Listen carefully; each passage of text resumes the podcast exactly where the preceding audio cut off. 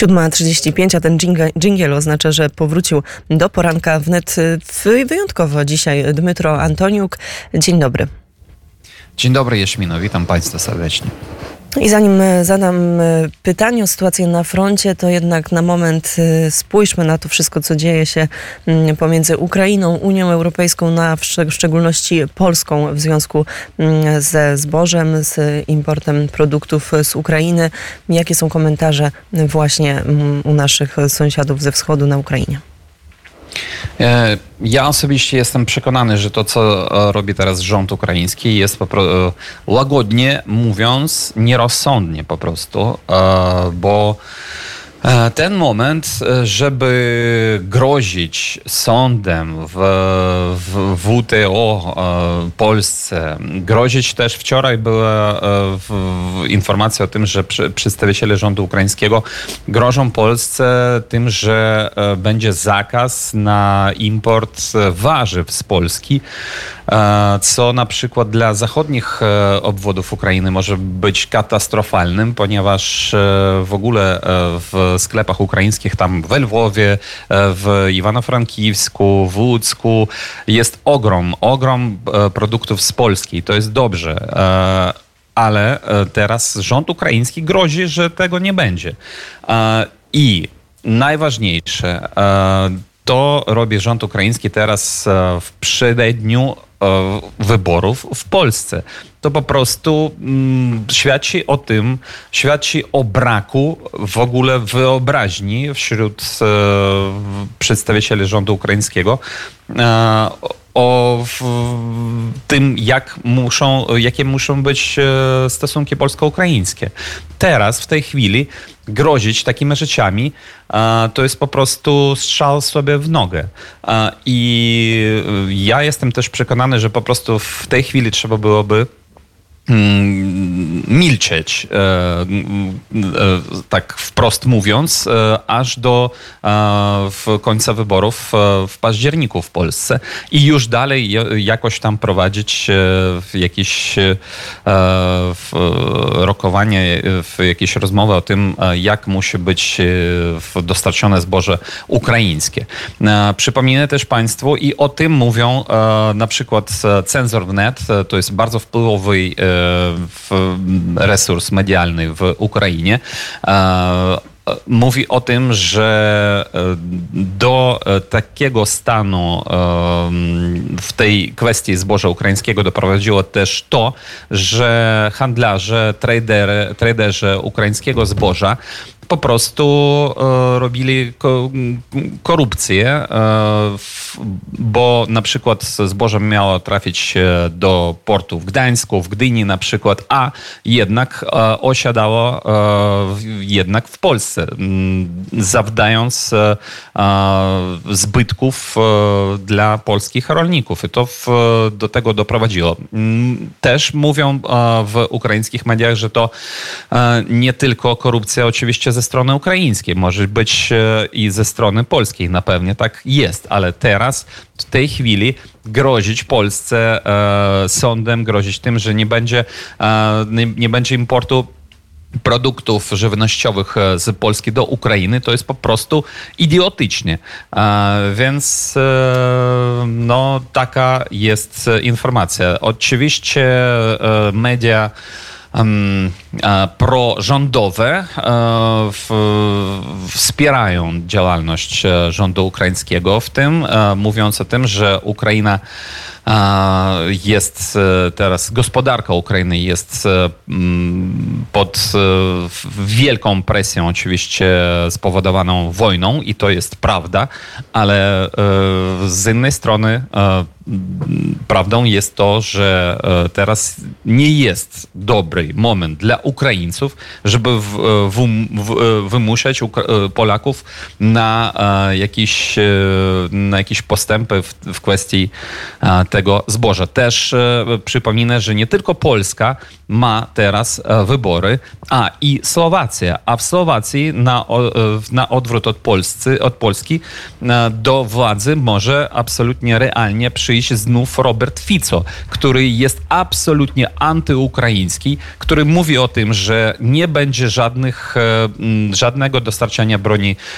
słowackiej do Ukrainy. A przypominę, że słowacka Zuzanna, podobna do polskiego kraba, bardzo pomaga ukraińskim żołnierzom na froncie i rząd ukraiński mówi też i wymusza też Słowację na to, żeby byli jakieś postępy teraz, przed znów wyborami w Słowacji. Także absolutnie działanie nierozsądne działanie nierozsądne, taką drogę obrał e, obecnie ukraiński rząd. No z drugiej strony spojrząc, patrząc na to szerzej, nie da się ukryć, że e, faktycznie no, trochę Rosja osiąga tutaj w, e, dzisiaj w Unii to, to, to, co chce. W tym sensie, że no, mamy, jeżeli jakoś zwalczyliśmy ten wielki kryzys energetyczny, no to w inny sposób. Teraz Rosja rozgrywa de facto Europę i to, że my się tak kłócimy między sobą, no na patencie niedoboru tej żywności, czyli właśnie kolejne, kolejne szantaże komentarze, ale mm, ta strategia ukraińskiego rządu no może, może co najmniej e, zaskakiwać. Będziemy oczywiście tej sprawie się jeszcze przyglądać. A powiedz proszę,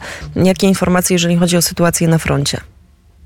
E, dziękuję. Ja tylko dodam, że też e, potwierdzeniem takiego no, kiepskiego stanu spraw między e, rządami polskim, po, po, polskim a ukraińskim jest to, że moim zdaniem, że w, w ONZ w New Yorku, w Nowym Jorku prezydent Polski Andrzej Duda nie spotkał się z prezydentem Zeleńskim.